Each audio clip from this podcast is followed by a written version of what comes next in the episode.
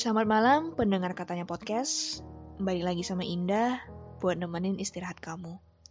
Semoga apa yang kalian lakukan hari ini bisa berdampak baik untuk masa depan kalian. Sebelum masuk ke episode kita kali ini, pastikan kamu berada di posisi ternyaman kamu.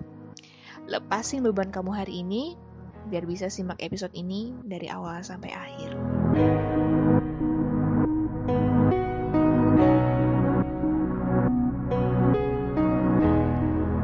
Siapa nih yang dari kalian suka curhat? Hmm, Aku, ayo ngaku. Curhat itu kependekan dari curahan hati. Bentuk penyampaiannya bisa bermacam-macam. Bisa dari lisan atau dalam bentuk teks. Sering banget nih kalau kaula muda semuran aku ini, itu nyebutnya curcol atau bisa disebut curhat colongan. Topiknya ya macam-macam. Bahkan kalau ada kucing nyungsep ke got aja bisa jadi curhatan. Bercanda. Tentunya setiap orang itu punya setidaknya satu orang yang dia percaya untuk menyampaikan unek-uneknya. Ya kasarnya menurut aku itu adalah sebuah membagi air, sebuah hal yang di mana kita tuh membagi air yang sudah mengendap bau dan busuk. Kalau dirasa nggak bisa pendam lagi masalah yang kita hadapi. Bisa jadi teman dekatnya mungkin yang jadi teman curhat atau mungkin sanak keluarga kalau aku sebagai anak perempuan ngelihat dari kondisi em, aku sendiri, mungkin kebanyakan anak perempuan itu curhatnya sama ibu. Tapi kalau aku enggak, aku segan malah curhat sama ibu. itu kenapa aku bilang kebanyakan, bukan semuanya. Bukan semua anak perempuan curhat sama ibu. Jujur aja nih, dulu waktu SMP itu adalah aku adalah anak yang nggak bisa kalau nggak curhat. Tapi kudu curhatnya itu sama teman dekat, bukan sama ibu atau sama ayah. Nah, alasannya tuh biar lega. Mungkin sampai mereka itu kayaknya udah enak gitu nerima curhatan aku. Karena mungkin udah mainstream banget curhatan aku ya soal itu-itu aja, nggak ada yang baru. Kalau sekarang sih, mikir-mikir mau curhat. Ya memang sih ya, kadang melegakan kalau kita itu berbagi cerita sama orang yang dipercaya. Tapi mikir lagi deh, apa teman aku itu mau dengar curhatan aku lagi? Emang dia nggak punya masalah? Ya pasti punya lah. Setiap manusia tuh pasti punya masalah.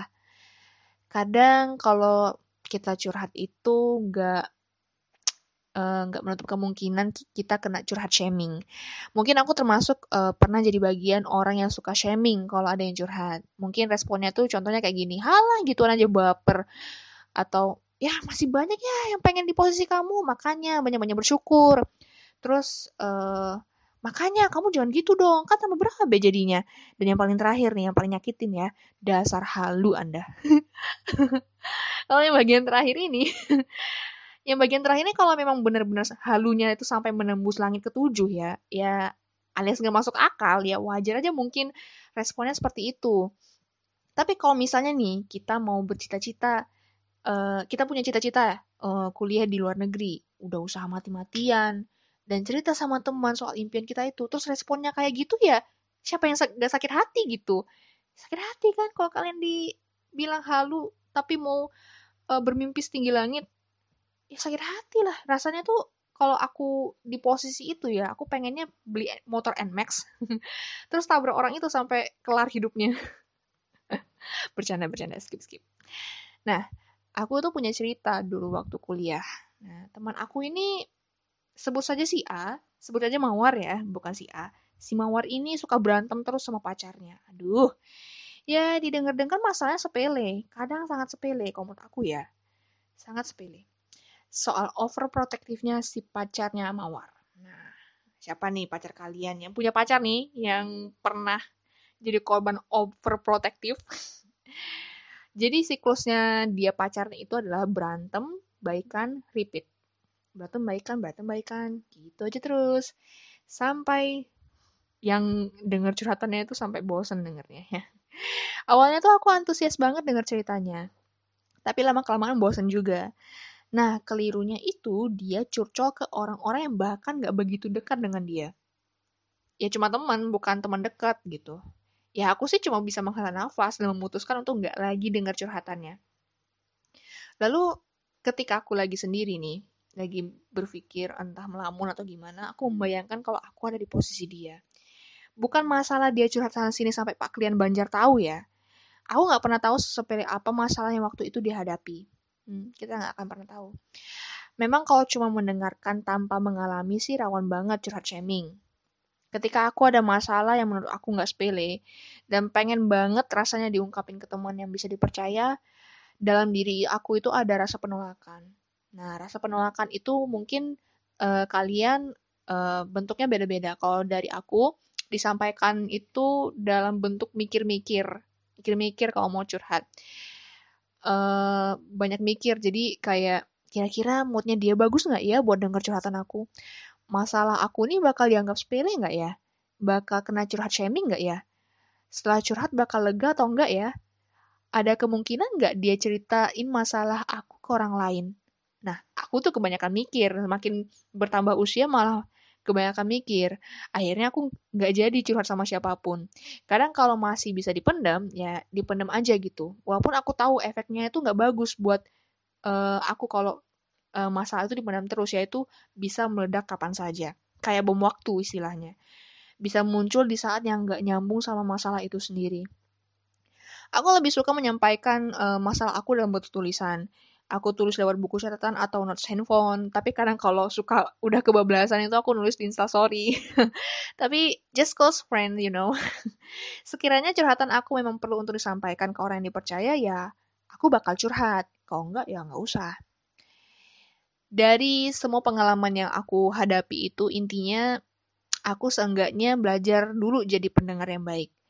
Sesuai dengan judul podcast ini, hmm, dengan uh, episode podcast ini, kira-kira kalau mau curhat itu kudu ke siapa ya? Ya terserah sama siapa aja yang bisa kamu percaya. Asal, yang pertama, kalau kamu mau curhat, jangan curhat sama orang yang memang nggak bisa jadi pendengar yang baik.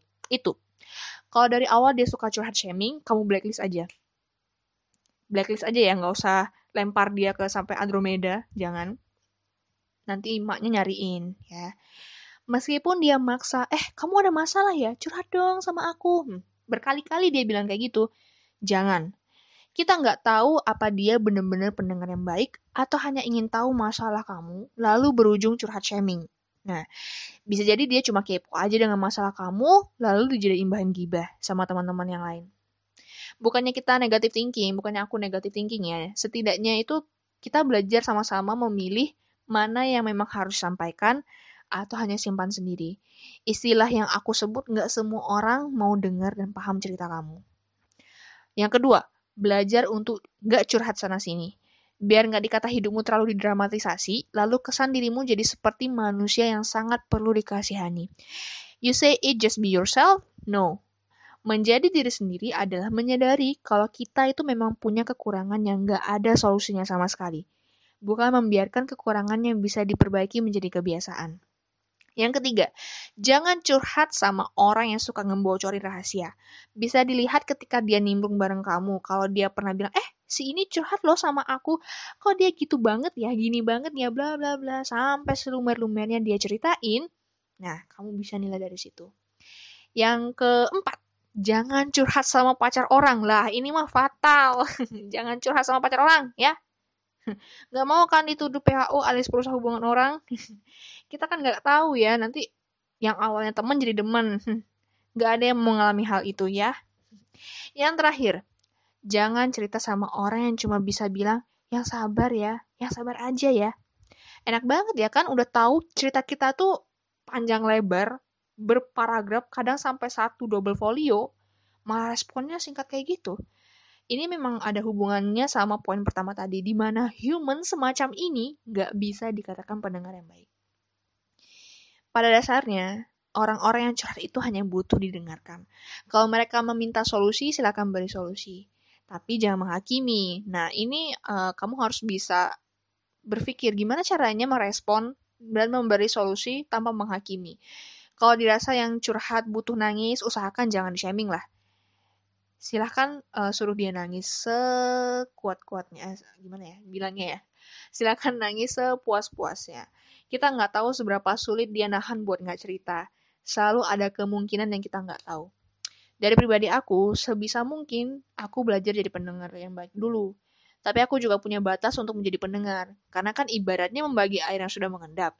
Kalau nggak aku kuras ya bakal jadi racun dan ngefek ke mental health aku alias ngaruh ke alam sadar aku.